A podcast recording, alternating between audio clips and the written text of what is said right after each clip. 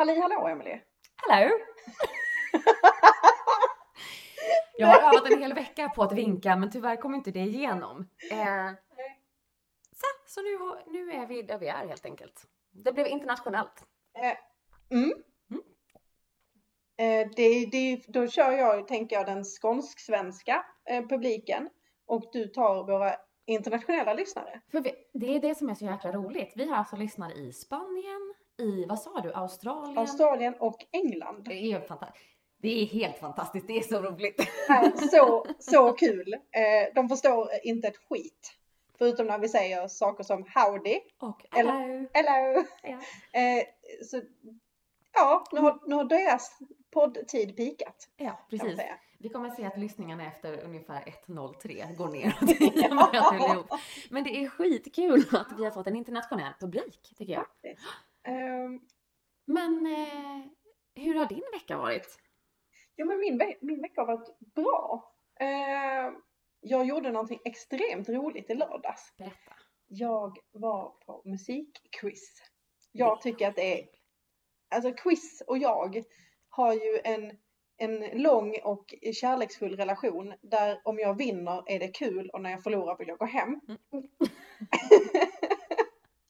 ja, Jag får ju sån här, det är inte ofta jag blir tävlingsinriktad, men jag kommer på musikquiz. I och med att musik är den enda delen eller enda komponenten som har följt med mig hela livet. Så får jag såna här små djävulshorn som växer ut för jag ska kunna musik. Det blir en stolthetsfråga. Yes.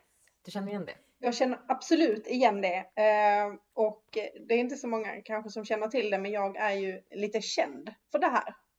Eh, frågar man min, min bästa kompis Malin, hon brukar ha quiz och, och lite sådär när hon fyller år. Eh, och jag tror när hon fyllde 20 eller 25, jag minns inte. Men det var förra året va? Det, det, det var nyligen, ganska nyligen. Ehm, så hade hon en sån här intro, du vet de spelar introt så ska man, så ska man sjunga låten. Eh, och nu minns jag inte exakt hur många låtar det var, men åtminstone två tredjedelar tog jag Mm. själv. så till den milda grad att hennes släkt menade på att det var eh, uppgjort och riggat. Eh, och det var det inte. Det är också skönt när man är en sån här teaterpersonlighet som då både du och jag är som söker spotlights på den här typen av tillställningar. Och är liksom redo i startgropen, lite likt Usain Bolt på väg ut på spåret. Hade man, hade man tagit ett blodprov på mig då och kollat eh, adrenalin eh, liksom per milliliter eller hur man nu kan mäta det så känner jag att jag nog hade varit på elitidrottarnivå. Mm. Eh, jag var taggad och jag känner nu bara jag pratar så blir jag så här, oh, Vi kanske skulle teama ihop någon gång och åh, köra en vad kul, gud vad kul. det, ja. Eh, vi, men vi kanske kan skicka ut en allmän, vad heter det, när man utmanar folk. En allmän Ja. utmaning. Om någon vill, vill anordna ett musikquiz så vill vi vara med så vill vi vara med. om vi får vinna. Om vi- Nej, Fast det gör vi ju. ja, ja, ja det är ju säkert. Så är det Så någon som länge ska det inte är några frågor på vad albumet hette där låten kom ifrån Mm. utan att det är rent bara om musiken. Ja, Då har jag en sportslig chans. jag kan ju texten men jag vet ju aldrig artisten. Nej, Och jag brukar kunna artisten men jag vet inget mer. Nej. Och kan sjunga förmodligen. Eh, ja, precis. Men jag var ju på ett eh, musikquiz här i helgen. Och det var ett sånt där musikquiz som inte direkt handlade om det som jag förväntade mig att det skulle handla om. Det var jättebra frågor. Mm. Eh, det var roliga trubadurer jag kan verkligen rekommendera det. De kör varje lördag i Uppsala så att jag förstår att alla som har vägarna förbi Uppsala kan dra dit. Eh, men jag var ju inte så bra. Själva musikquizet. Nej, alltså nej, jag, alltså personligen kunde ju inte frågorna. Till exempel en av frågorna som jag bara kommer ihåg nu eh, var vad hette ABBA innan de hette ABBA? Vad var alltså ABBAs artistnamn innan ABBA blev ABBA?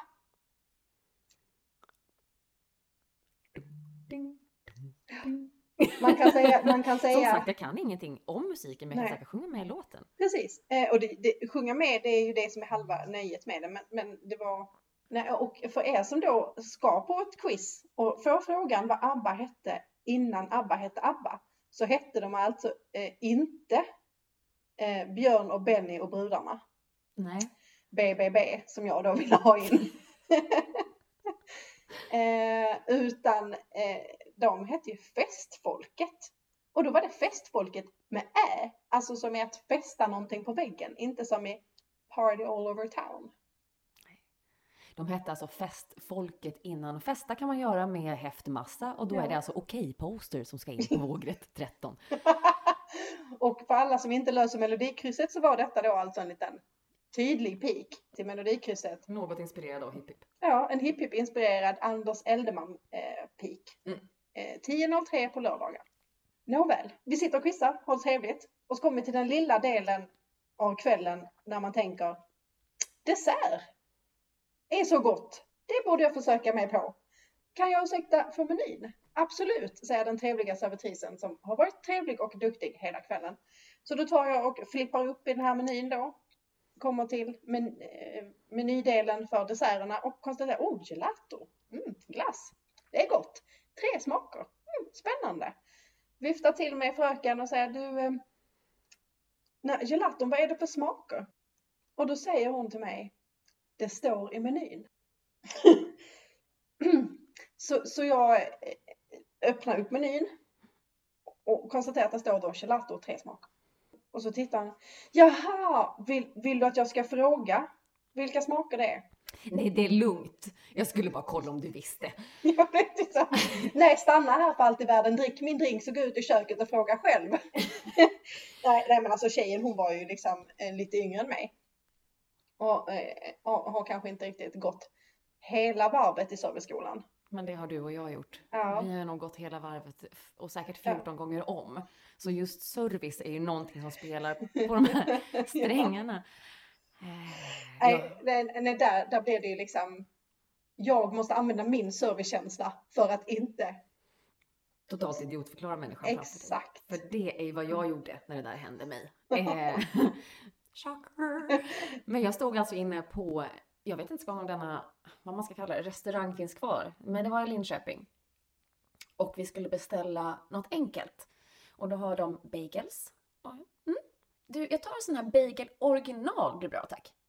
Ja, ska du ha den med jordnötssmör eller med sylt? Ehm, eh, och jag blir lite ställd. Mm. Och jag tänker så här, det är ju den där med Philadelphia-ost som jag vill ha. Som det står, bagel original med Philadelphia-ost. Eh, den tänker jag att jag vill ha. Ja, men det ingår antingen jordnötssmör eller sylt. Ha, festligt det hade varit om ni hade skrivit det på tavlan också, så man hade hunnit typ förbereda sig. Men äh, nu är jag ju så lite amerikan som man kan bli. Så just det här med jordnötssmör och, och sylt och, och Philadelphiaost och en ba- bagel, det, det, är så, det är så mycket i det som jag mår lite dåligt av. Nej, jag var inte riktigt beredd på att de skulle lägga sylt och jordnötssmör på denna bagel. Eh, och jag finner mig inte i... Alltså jag är så extremt serviceskadad. För de som minns min lilla vända här med alla 16 olika företag så har jag alltid på ett eller annat sätt jobbat med service. Vilket innebär att jag... Nej men alltså det, det går igång på alla cylindrar om man inte... Sköta Dålig, dålig service. Det finns ju ingenting som kan göra mig så irriterad som dålig service. Nej, jag kan gå tillbaka till en restaurang som inte hade världens bästa mat. Mm. Men jag kommer inte komma tillbaka till världens bästa mat om servicen suger. Nej, absolut inte. Ingen, inte en chans. Eh, men ja, nej, den här servitrisen från i lördags, hon är ursäktad. Eh, för att i brist på ett bättre ord, och jag hoppas att eventuellt inte att hon lyssnar på detta. men jag, jag upplevde henne lite som en valp. Ja, Alltså hon var så, hon var så grön. det var oskyldigt. Ja, alltså det, var, det, det, det här var inte någon som gjorde det för att ha attityd. Hon var väldigt, väldigt duktig med sin service i övrigt. Men just det här bara, det står i menyn. Då hade jag kanske inte frågat. Nej vännen, det gör det inte. Nej. Nej. Oh, det, det är sällan vad man säger utan, utan hur man säger det. Exakt.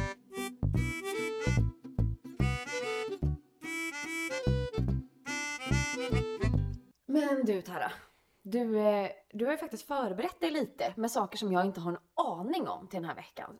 Eh, tänkte så här, vill du börja berätta så att jag eh, får följa med på den resan du har gjort senaste dagarna? Ja, vad kul. Eh, jag är ju lite nervös, måste jag säga. Denna, vi spelar in en, en glad måndag i Stockholm. Eh, och jag har ju suttit, sen förra veckan har jag researchat och läst ett antal vetenskapliga artiklar och eh, studier eh, för att jag har en tes om det här med simultanförmåga. Eh, att ha många bollar i luften. Det där som varenda arbetsgivare har skrivit sedan begynnelsen i varenda arbetsannons där man söker efter personal. Gillar du att ha många bollar i luften? Ja. Nej. Ja. Ja, fast nej. Eller jo, men nej. Alltså det... Din inre skåning säger Den säger mm, Jo, det gör jag, men inte på det sättet som du menar när du skriver det här. För du frågar om jag vill jobba ihjäl mig för samma lön som jag får för en tjänst, fast jag ska göra sju. Eh, så att tack, men nej tack. Men det är inte den typen av simultanförmåga och att ha många bollar i luften. Nej, eller rättare sagt, det, det, det här grundar sig i, för ungefär ett år sedan, ett och ett halvt år sedan, så var vi på en utbildning med jobbet.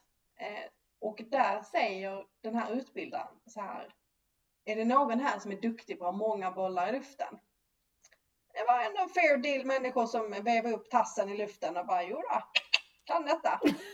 eh, varpå han på ett ganska roligt sätt sa så här, ja, fast det är ju lögn. För att vår hjärna är gjord som en autobahn. Mm. Den är dessutom en autobahn som är, eh, den har bara en fil. Den kan inte det här med att växla mellan filer. Den, får, den, kan inte hålla flera saker igång samtidigt. Du kan bara aktivt vara närvarande och delaktig i en eh, tanke åt gången. Ja. Och när du försöker mixa det så blir det fuck-ups. Ja, jag vet ju vad som händer när jag gör det. För till exempel, alltså, från mitt vardagsliv, om jag skulle börja få för mig att städa nu, eller då packa så som jag har gjort senaste dagarna, då kommer jag börja med att packa dekorationer. Sen kommer jag gå för att hämta en dekoration i sovrummet, se att det inte är bäddat, kanske bädda. Och då komma på att jag ska inte alls bädda, jag borde tvätta sängkläderna, riva av dem, slänga dem i tvättmaskinen, glömma sätta igång tvättmaskinen för då har jag hittat något nytt i badrummet. Tills jag kommer ut i vardagsrummet och just jävlar, jag höll på att packa. Så brukar det, eh, själva processen se ut i min hjärna. Precis. Eh, och också ett annat exempel eh, är om man sitter i möte till exempel. Och så har du med dig din dator. Du öppnar datorn och så sitter du och lyssnar i mötet, eh, tror du. För att du är ju en övermänniska som är den enda i världen som kan göra flera saker samtidigt. Och så skriver du ett mail samtidigt. Så du svarar på ett mail, du sitter där i, i mötet. Och sen så helt plötsligt så hör du i mötet någon, att de, någonting i mötet fångar din, din, din uppmärksamhet. Och så bara, ursäkta vad sa ni? För då har du växlat ut. Du är alltså inte längre i mötet, du är i ditt mail. Alternativt så är du i ditt möte och så skriver du ett mail och sen inser du att det var inte till Kerstin jag skulle skickat det. Det var till Karin. Hoppla. Hoppla. Det där känner jag ju igen mig ganska mycket i och med att sitta i möten är det tråkigaste man kan hitta på. Och då är det lätt att försvinna i tanken. Precis, och, och just det här att man... Oh, förlåt, vad sa du? Kan du ta det igen? Det är, varje gång man hör det när man är i ett möte så vet du att här har du en person som inte är i mötet. Hmm. Det är varje gång din hjärna drar vidare. Sen om det är för att flippa på telefonen, om det är på datorn eller om det är mentalt. Det spelar ingen roll, men då har, då har man växlat från autobahn. Så det är väldigt intressant och det finns sanning i det som han sa på den här utbildningen för ett år sedan. Men det jag har insett den senaste veckan, det är att det inte är sant. Eh, jaså? Nej, jag vet! Chocker! Vad sitter jag här och drar ner brallorna på mig själv för? Inte fysiskt. För det handlar inte om att man kan, ha, man kan bara ha en tanke. Det handlar om att man kan bara kan ha två. Hjärnan klarar av, våra hjärnor klarar två saker samtidigt. Två grejer. Anledningen att det är just två tror forskarna beror på att vi har höger och vänster hjärnhalva. Det vill säga att du får ett problem till dig. Du börjar jobba på det. Sen kommer det till. Då gör hjärnan en sån här smart oh hoppla, det här kan vi dela upp. Så då jobbar högra halvan med ena, med ena problemet och vänstra med andra. Och sen kommer du då att skjuta till ett tredje problem. Då blir hjärnan eh, som man kan bli när det är mycket gott lösgodis. Man bara står och tittar och då kan man liksom inte välja var man ska börja någonstans. Och så blir allting fel. Och så kommer det i alla fall hem apelsiner. Hade man kunnat se det som ungefär när man jonglerar med två eller tre bollar? Du kan ju bara hålla två bollar i handen. En måste hela tiden vara i luften. Ja, eller alternativt att du, du kan inte, alltså hjärnan blandar ihop felen. Så istället för att du har, om du har, om du har ett problem så får du ett rätt. Har du två problem så har du två rätt. Har du tre problem så har du tre fel. Aha, det blir, det blir Det, gröt. det, det, det, det kan liksom inte distribuera sig korrekt. Mm, Utan det blir mishmash av allt. Okej. Det är det som händer. Det har varit många bollar i luften. Det borde heta... Kanske Två. bollar.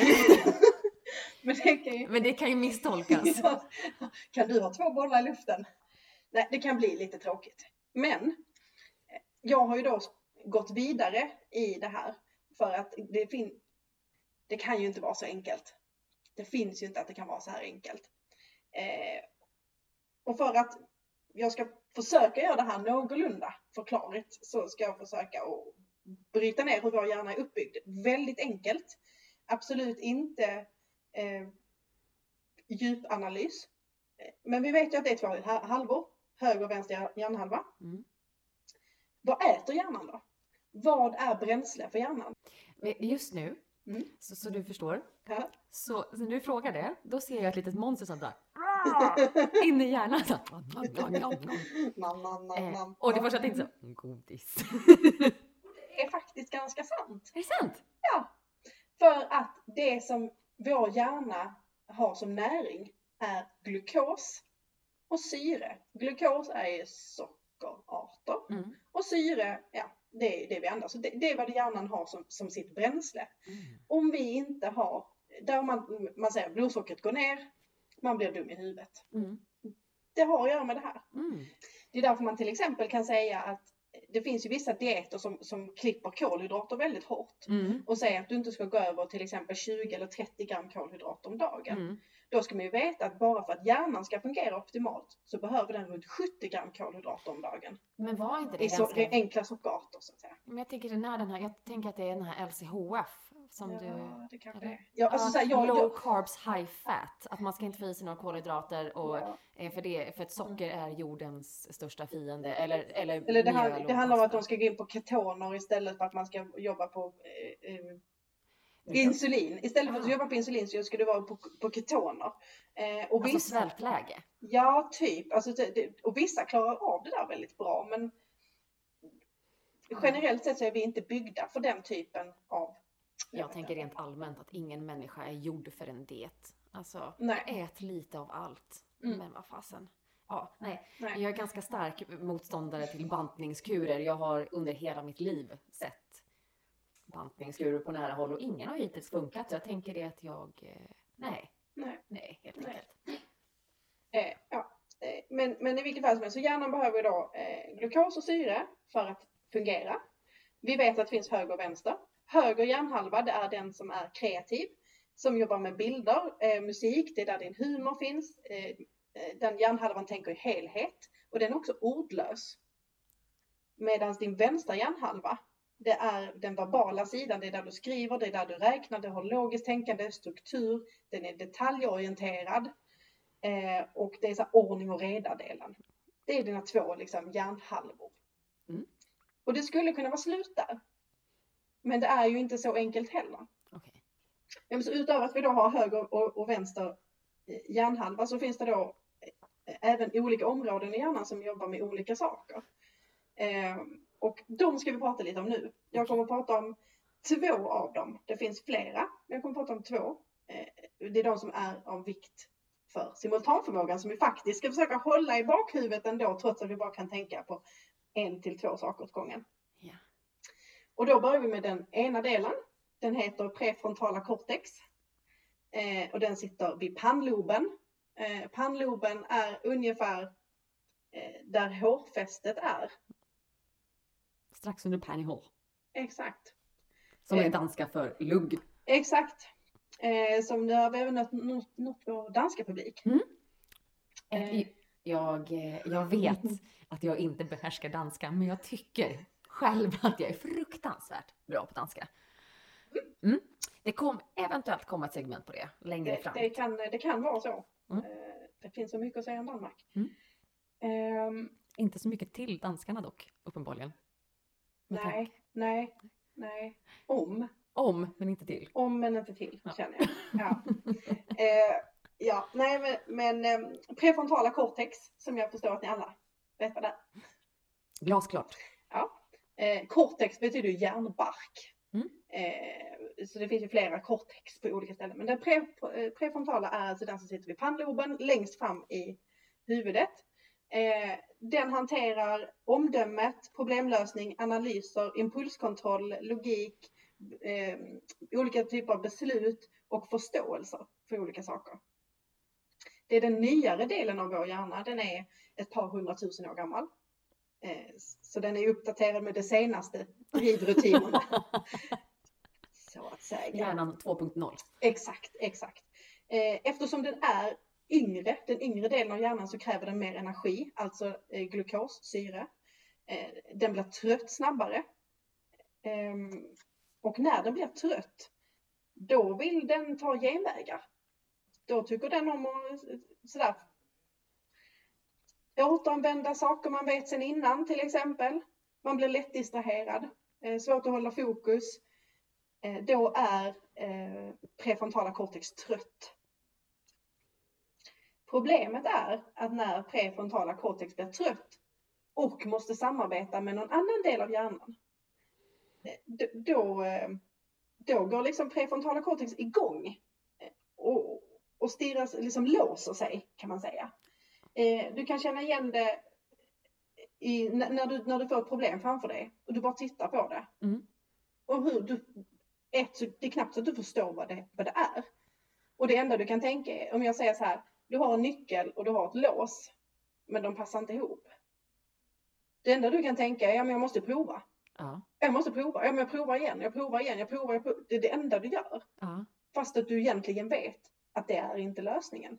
Nej men det är någon typ av panikläge i hjärnan? Ja, eller med att du loopar samma sak om och om igen. Okay. Eh, och när, när, när du kommer till den nivån så dränker cortex ut de andra delarna i hjärnan. Så din kreativitet kommer inte till tals. För att frontala cortex är högljudd och tar all plats. Eh, så för, hur kommer vi ur det? Mm. Hur, kommer, hur kommer vi förbi den här? Vi gör någonting annat. Gå och hämta en kopp te. Gå och prata med en kompis. Gör några squats. Gå ifrån där du var. Det som händer där är att prefrontala cortex kyls ner. Och då har du också möjlighet att få in nya tankar i detta. För de som nu inte kan se mig så var jag tvungen att lägga två fingrar på pannan för att se om det var lite varmt där. Eh. För jag tycker jag känner igen mig att det där händer ofta. Eh, då, för att vara tydlig, så när du använder prefrontala cortex i tid så pratar vi effektiv tid, en till två timmar om dagen. Okay. Är vad den egentligen klarar av på maxkapacitet, alltså nu, nu, pratar vi maxa liksom. Mm. Eh, och, och, det är sällan man är och maxar, men, men det, därför kan man känna igen till exempel om man har hållit en presentation, mm. eh, när man har gjort prov i skolan, efteråt, man är liksom helt slut, man, man stapplar hem, man vet inte exakt hur man kommer hem. Man vill bara moffa i sig liksom så här 100 kilo frukt och liksom, eh, sen däckar man i soffan i två timmar. Mm. Utmattad prefrontala cortex. Så när vi kyler ner eh, prefrontala cortex så får vi eh, input från andra ställen. Detta kan vi känna igen i vår vardag. Till exempel när du sitter där och tittar på den här nyckeln. Men du tänker inte att du ska gå ifrån, för du ska lösa det, så du liksom slår huvudet i väggen i stort sett. Och sen ger du upp för dagen. Och så går du hem och så käkar du middag. Eh, du kanske går bad, tar ett bad eller du borstar tänderna. Mm. Och när du står där med tandborsten i munnen och bara ah, men vad fan, jag skulle gjort så här.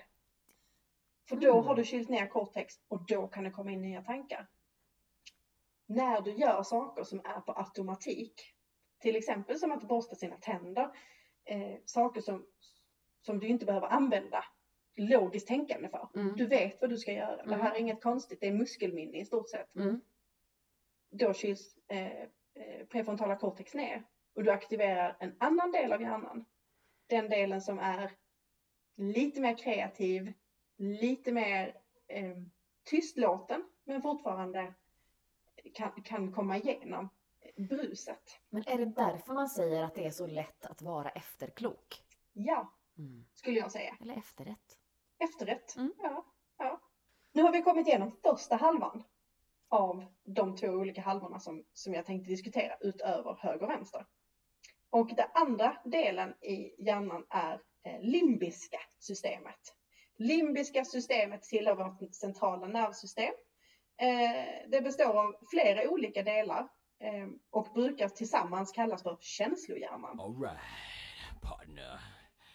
Keep on rolling, baby. You know what time it is. Limp Bizkit-hjärnan. Ja. Limp Bizkit-hjärna, yes. Eh, I limbiska systemet, där bearbetar vi åsikter om rätt och fel. Eh, här formas våra minnen och vår motivation. Eh, positiva och negativa känslor eh, och emotionell respons styrs från amygdala, som är en del i vårt limbiska system.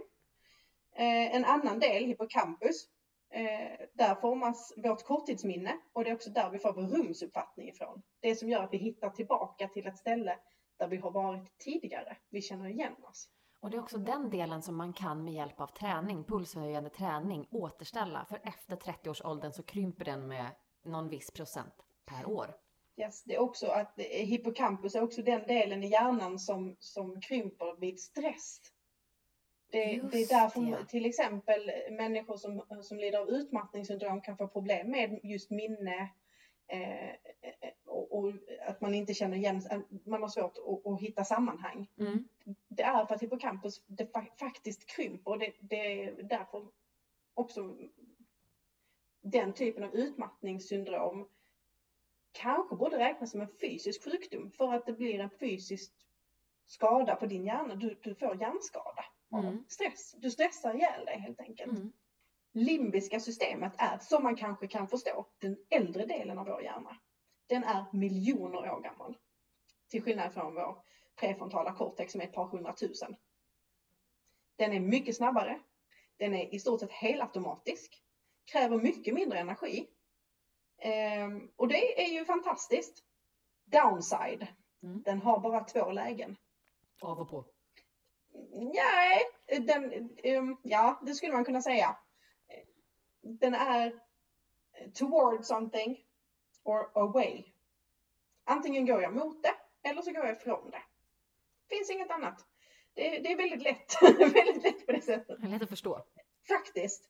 Eh, när vi går mot någonting, eh, sakerna vi går emot, glädje, njutning, nyfikenhet. Saker vi går ifrån, oro, sorg, ångest, eh, rädsla. Och så har vi den här twisten igen då. Away, alltså gå ifrån signalerna, är mycket starkare än gå till eller gå emot signalerna. Det är också så att de här away signals, de är starkare, varar längre och är svårare att bryta. Det känns ju som att vår hjärna har gett oss så jävla opti- optimala förutsättningar för att få ett bra liv. Eh, man kan säga att vi, vi jobbar i uppförsbacke. Lite. Det sa en person till mig en gång att livet är en lång uppförsbacke och när man tror att man har kommit upp då är det fan bara ett krön, sen fortsätter det. Jävla positiv tanke att ha genom livet ändå. Det, det, det måste jag ändå säga, det var ju lite guld, guldkant på den tillvaron. Ja. Kanske. Jag har valt att inte ta till med den, men, men jag har hört den som förslag. Ja, absolut. Man får ju tycka som man vill. Mm. Absolut. Eh, det man kan tänka här, eller som kan vara återknutet till vad jag pratat om tidigare på podden. Vad gör det här away-systemet? Jo, det bygger katastroftankar. Så att mitt away-system, det är bra påbyggt. Det, det kan sin grej. Yes, exakt så. Eh, Det är, away-systemet är anledning att du fastnar i katastroftankar. Det är därför du är i dem.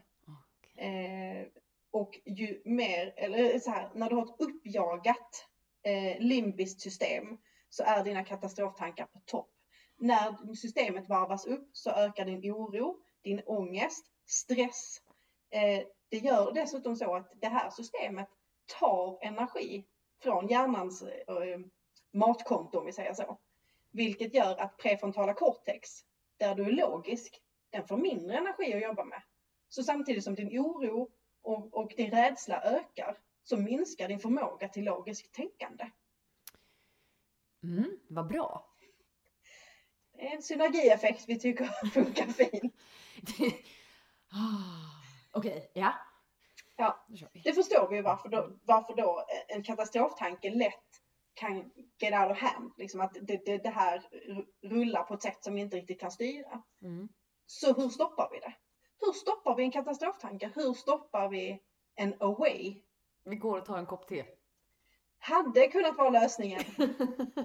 Men det är så mycket enklare och så mycket svårare på en och samma gång. Man vänder en away till en toward, alltså eh, att gå från till att gå emot. Genom, eh, det enklaste sättet är att sätta en etikett på det. Okej. Nu blir jag irriterad. Och sen släppa det. Ja, eh, mm, Okej, jag blir ju sällan irriterad. Eller ja, irriterad kan jag bli, men jag blir ju i stort sett aldrig arg. Ilska finns inte riktigt i mitt system. Eh, och så tänker jag så här, om jag får en panikångest, jättekatastroftanke. Eh, och inte corona, för den kan vi inte... Blir man sjuk så blir man sjuk. Det är egentligen, egentligen är det så man ska se det. Blir jag sjuk så blir jag sjuk. Jag kan inte påverka det. Det är ingen idé att oroa sig innan. Jag får hantera när det kommer. Men om vi säger så här då. Eh, om, nej jag kan inte komma på någonting nu för jag ska komma på någonting som är bra att oroa sig för. Det är det här som är lite lurigt. Ja. När man ska oroa sig och sätta undan tid för att sitta och oroa sig så är problemen oftast väldigt små.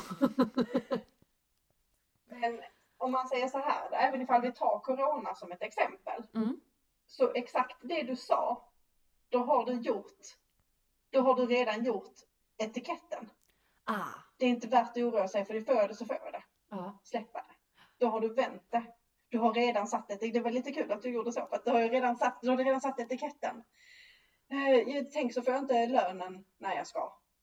Nej, Nej. nej, det är ju tråkigt. Ja, men det är det här som är lite roligt. Att alltså, egentligen så, ehm, så stissar man ju upp sig, men efter några års liksom, panikhantering så vet man ju. Men jag har ju aldrig förstått att det hänger ihop på det här viset i hjärnan, att det faktiskt händer saker rent fysiskt. Nej, och att man, man kan programmera sig själv. Mm. Man kan programmera in eh, sig själv, eh, programmera in etiketter till Mm. sig själv. Och detta är också ett sätt att hantera stress.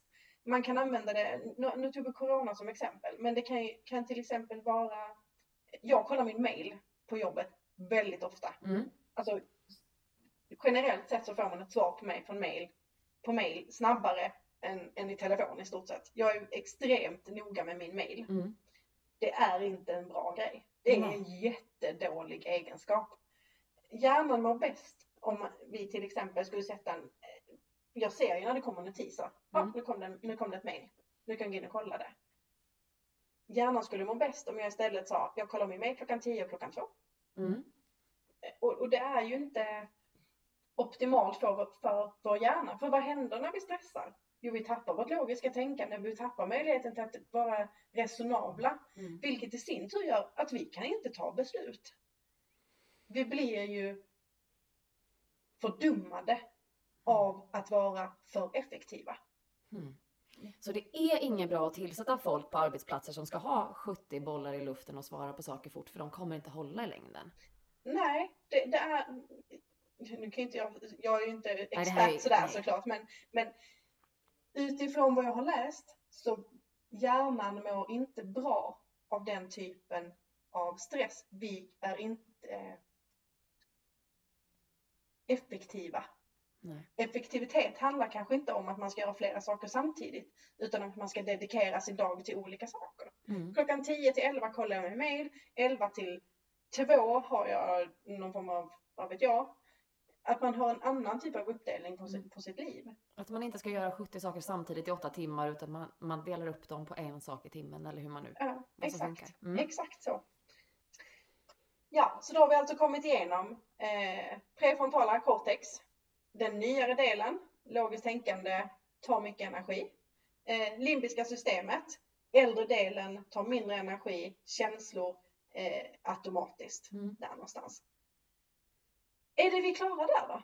Nej, det ska ju såklart till en parameter till. Mm. Eh, utöver höger och vänster, gammal och ung, så lägger vi till den tredje parametern, kvinna och man. Okej. Ja.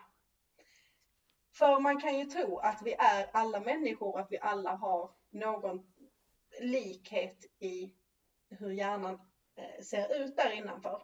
Så är tyvärr inte fallet. vi har stora biologiska skillnader mellan kvinnor och mäns hjärnor. Mm. Eh, men, men kvinnor har ju då två talcentrum eh, istället för män som har ett. Det gör eh, eh, kvinnor också bättre finmotorik, eh, läser av känslor bättre och är relationsorienterade. Och generellt sett har kvinnor bättre minne än män.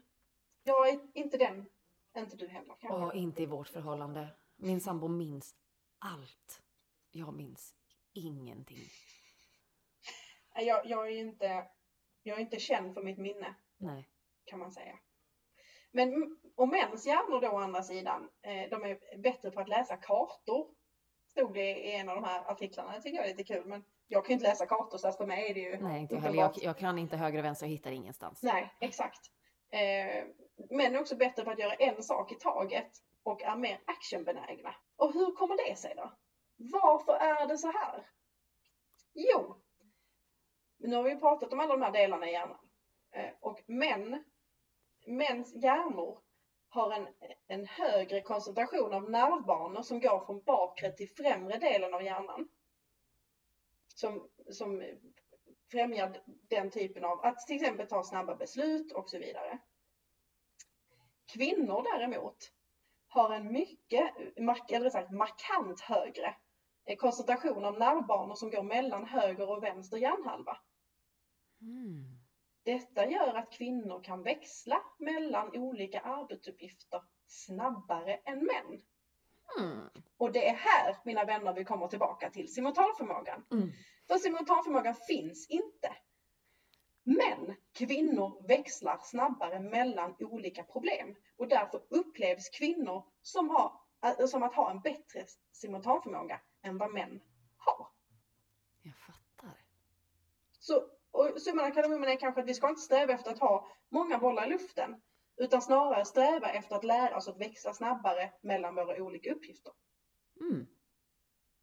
Ja, det var, eh, det var någonstans där jag landade efter en vecka eh, av att läsa och att jag eventuellt nu måste börja jobba med neuroscience för det var jäkligt spännande.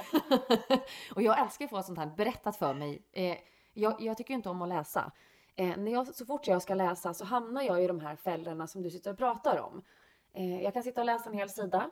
Men så flög det förbi en fluga. Eventuellt så lät det någonstans ifrån. Det kanske blinkade utanför fönstret. Och jag minns inte ett dugg av vad jag har läst. För jag är inte närvarande. Jag är också extremt ointresserad av liksom, det skrivna. Alltså, att läsa. Jag älskar ljudböcker, poddar, allting som kan berätta saker för mig. Mm. Eh, också en sån sak i skolan. De ämnena där man behövde läsa på. Alltså naturämnen Mm. och sånt. Där gick det ju inte lika bra som det gjorde till exempel samhällskunskap där man kan sitta och debattera, och argumentera och fråga. Mm. För då går det in i mitt huvud, men jag kan inte läsa mig till kunskap. Det bara studsar. För jag är aldrig närvarande. Eller så är det så att du, det, det är också en aspekt, det här har jag inte alls läst om denna vecka, men, men, men tidigare har jag läst om, man lär sig på olika vis. Mm. Vissa behöver se det, alltså att man ser, man kan se tavlan framför sig där läraren skrev grejerna. Man behöver skriva det själv. Men sen är den här, antar jag nu att du tillhör de som är auditiva, Mm. alltså som lär sig via örat. Mm. Jag tillhör kom, kombinationen av att jag behöver höra det och skriva det. Ja men det brukar jag också. Så Jag skriver det men jag kommer ju aldrig läsa det jag skrivit. Jag kommer ju bara att skriva ner det. Jag har ju till exempel då aldrig någonsin pluggat inför ett prov. Eh, utan det som har gått in, det har gått in. Eh, och det får vara bra där. Men när jag ska förstå någonting, alltså om jag sitter med komplexa känslor, Mm. då tycker jag om papper och penna. Dels för att kunna skriva ner och läsa igenom så man själv förstår det man kände. Mm. Eh, men det känns som att det blir på riktigt när man skriver det. Ja men precis. precis. Eh, och det kan ju vara, och det är också skillnad på inlärning i form av att du berättar någonting för mig som jag ska komma ihåg. Alternativt eh, eh, kunskap som handlar om att du har berättat det, jag förstår det och nu tillämpar jag det. Mm. Och det är när du skriver, du hör det, okej, sen processar du det och när du skriver det, då tillämpar du det. Det är då du får din kunskap. Mm. Eh, med med eh, sådär att jag, jag har inte läst om detta på väldigt länge. Men, men jag tycker det är väldigt spännande i alla fall. Eh, och det här med eh, simultanförmågan eh, är så kul. Eh, och jag, min lilla pekfinger vals höll jag på att säga, det var inte alls det jag skulle säga. Min, eh, min lilla pekpinne, min inre pekpinne skulle så himla gärna vilja ha den där utbildningen som jag fick förra året en gång till. Så att jag kan ställa mig upp och säga, aha, du har fel. För man har inte bara en, man har två Och jag tankar. undrar ju någonstans här om vi har haft samma föreläsare. Eh, för när jag pluggade nere i Landskrona så hade vi en föreläsare som just ställde den där frågan, fast på ett helt fel sätt. Han sa, är det någon här inne som kan multitaska? Och ja, helvete i vad jag kan multitaska. Att det inte är hundraprocentig kvalitet på alla typ tre grejer jag gör eller fyra. Det var inte det han frågade. Han frågade om jag kunde multitaska. Jag kan borsta tänderna samtidigt som jag spelar piano med tårna och typ, eh, jag vet inte vad, viftar en handduk på armbågen. Det går. Men han menade ju på att det ens inte gick. Men det var ju jättefel formulerat. Mm. Eh, och jag blir ju direkt kritisk om någon säger någonting som inte är sant. Ja. Om, om någon vet en föreläsning om simultanförmåga så... Om det- är någon som, som vill ha ja. Nej, men, men det är ju ett extremt stort ämne. Det, här, det är också väldigt, det vi har sagt här idag, det är också vinklippt.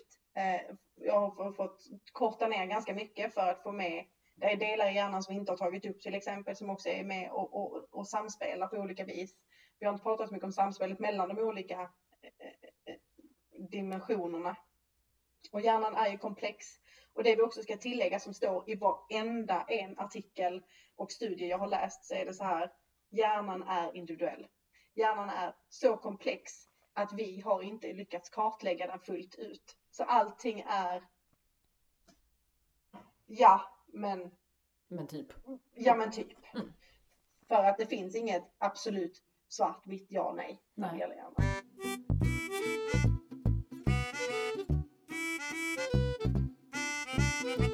Men, men när man sitter här och googlar runt och klickar runt mellan olika sidor och, och olika forskningsinstitut och tidningar och allt vad det nu är för någonting jag har varit igenom så stöter man ju också på lite rolig fakta.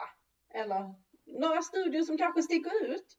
Eh, och saker som man har tänkt på någon gång i förbifarten och helt plötsligt så hittar man en studie där man kan få svar. Eh, och i mitt fall så handlar det om någonting så banalt som toalettpapper. Mm. Du tell. När man går på toaletten och man inte är hemma. Eller man kanske är hemma också. Men, men jag, jag reflekterar inte över det i mitt hem för att där vet jag hur det är. Hur det ska vara. Till exempel. Men när man är hos andra så tittar jag hur toarullen är satt. Då är alltså alternativen eh, Rätt håll eller fel håll är alternativen här. Det är så fruktansvärt roligt att säga så. Men man kan ju då tänka sig att, att pappret rullar på ovansidan av rullen. Så att man ser det uppifrån. Eller så kan man tänka sig att det rullar på nedansidan då, eller på undersidan av rullen. Där kan jag knappt andas. Det det är så fel! Det är så fruktansvärt fel. Och eh, då är det ju så att det finns eh, utfallet av den här, eller vi säger så, hur har du det? Jag har, Jag har det på rätt håll.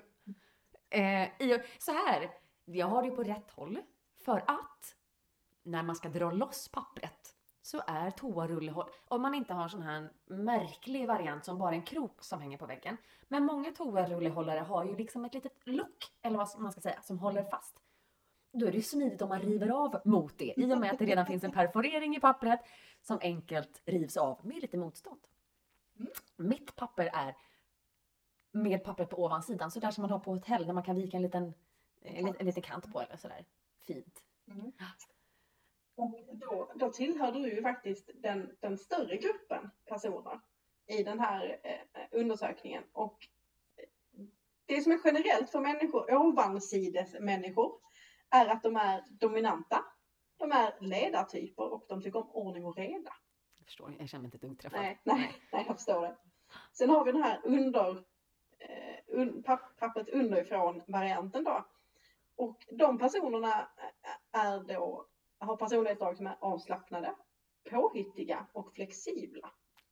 Ja, för uppenbarligen bryr de sig inte om någonting. Det, det är ju bara så här, nästa person som kommer komma in här Den får ju liksom ta konsekvenserna av att dra ut hela rullen på golvet. Det är lugnt! Det är lugnt! Det finns fler! Alltså, det, det, hemskt. Jag ska bara säga att kommer jag hem till någon som har satt rullen åt fel håll så kommer jag vända på den. För det är så fel. Det är så omöjligt. Och jag vill också tillägga att det finns ju då en tredje variant. Och det är personer som inte har någon preferens. Som alltså växlar mellan de olika lite hipp som. Det blir som det blir liksom. Och de är konflikträdda, flexibla och tycker om nya situationer. Mm. De här eh, no preference människorna.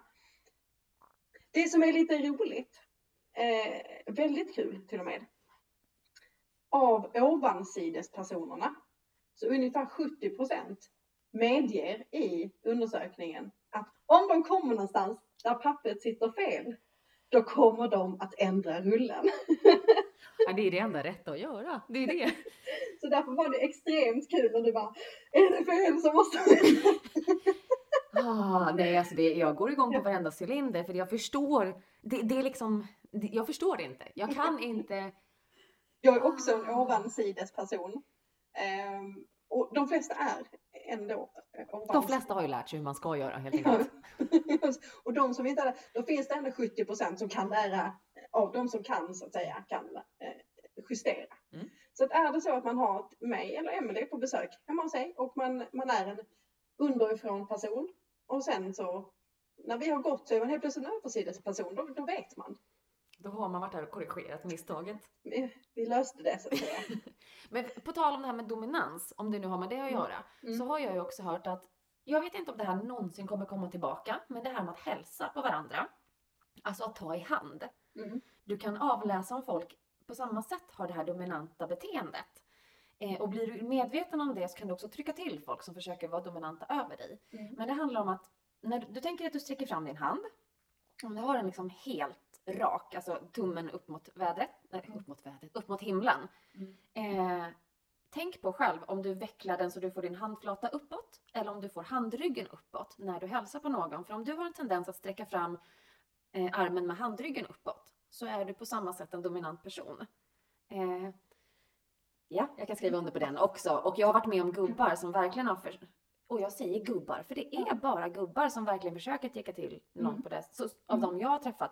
Mm. Som nästan liksom tar tag i din hand och vrider den så att Ja. de tvingar ner din handrygg i marken. Och då jäklar får man en brottningskamp med mig. För det accepterar inte så som jag. Nej. Jag är icke undergiven på det sättet.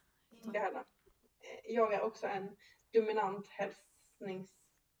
handhälsare. Men hur kommer vi veta framöver? För jag tänkte så här, jag har suttit och kollat mycket på det. Det har varit både Malmö i veckan som har spelat match. Det har varit Europa League och det har varit Champions League Mm. eh, finaler. Mm. Och då tänker jag att de går ju fram och gör sån här fistbump. Mm. Om man gör en fistbump, alltså knoge mot knoge, då försvinner ju dominansbeteendet ur själva hälsningsfrasen.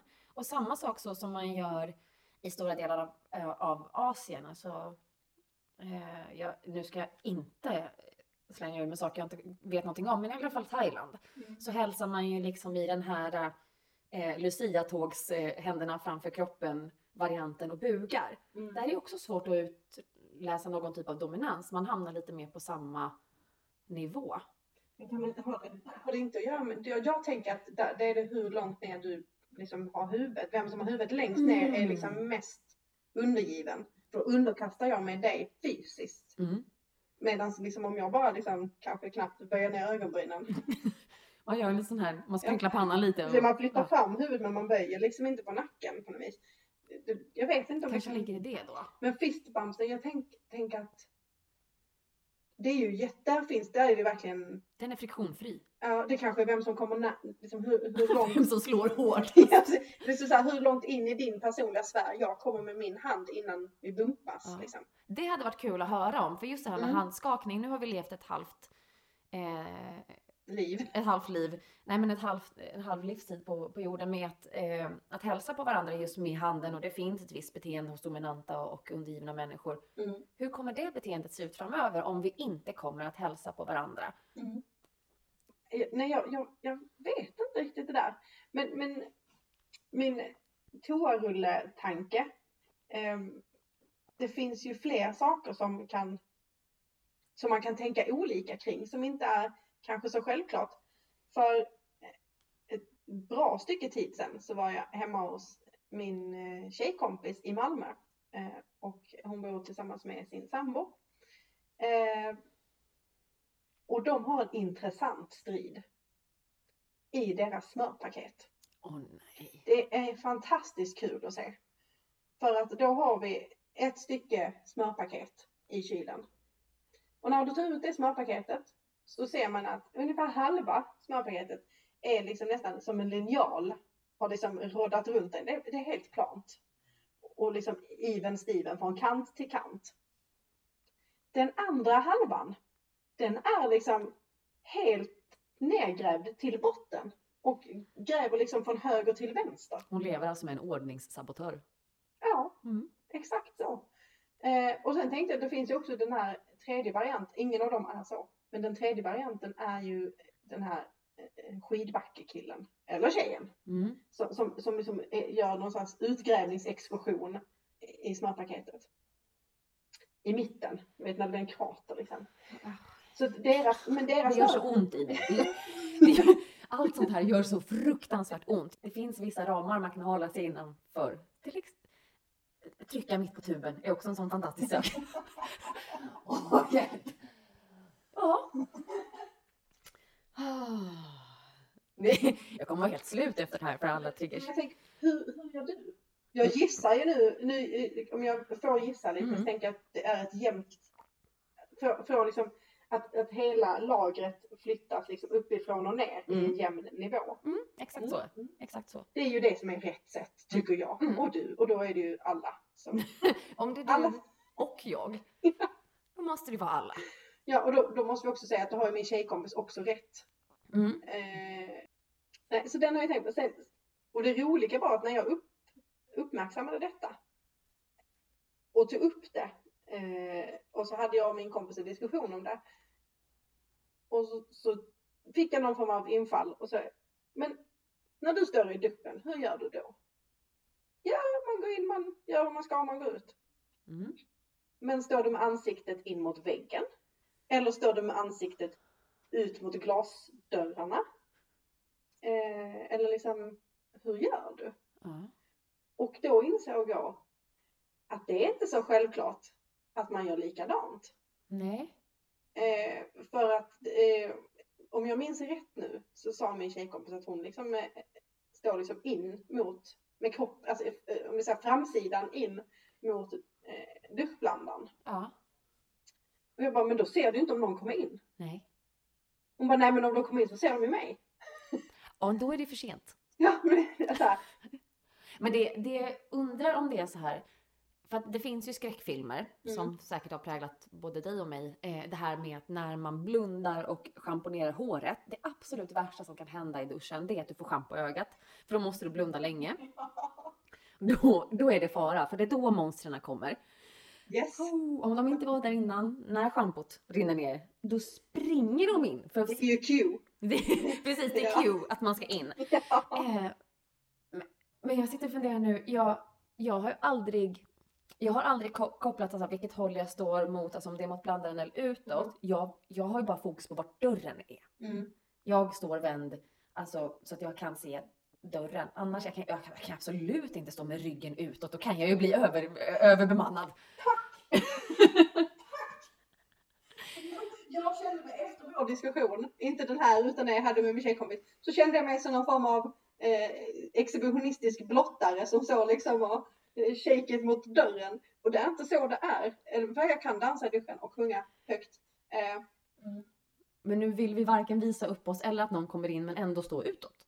för man måste ju se om någon kommer in. Så man hinner skyla sig. Ja, eller, alternativt, eh, vad heter det, fly. fly. ja, ja men exakt, fly längre in i, i I kaklet. Ända in i kaklet ska man fly.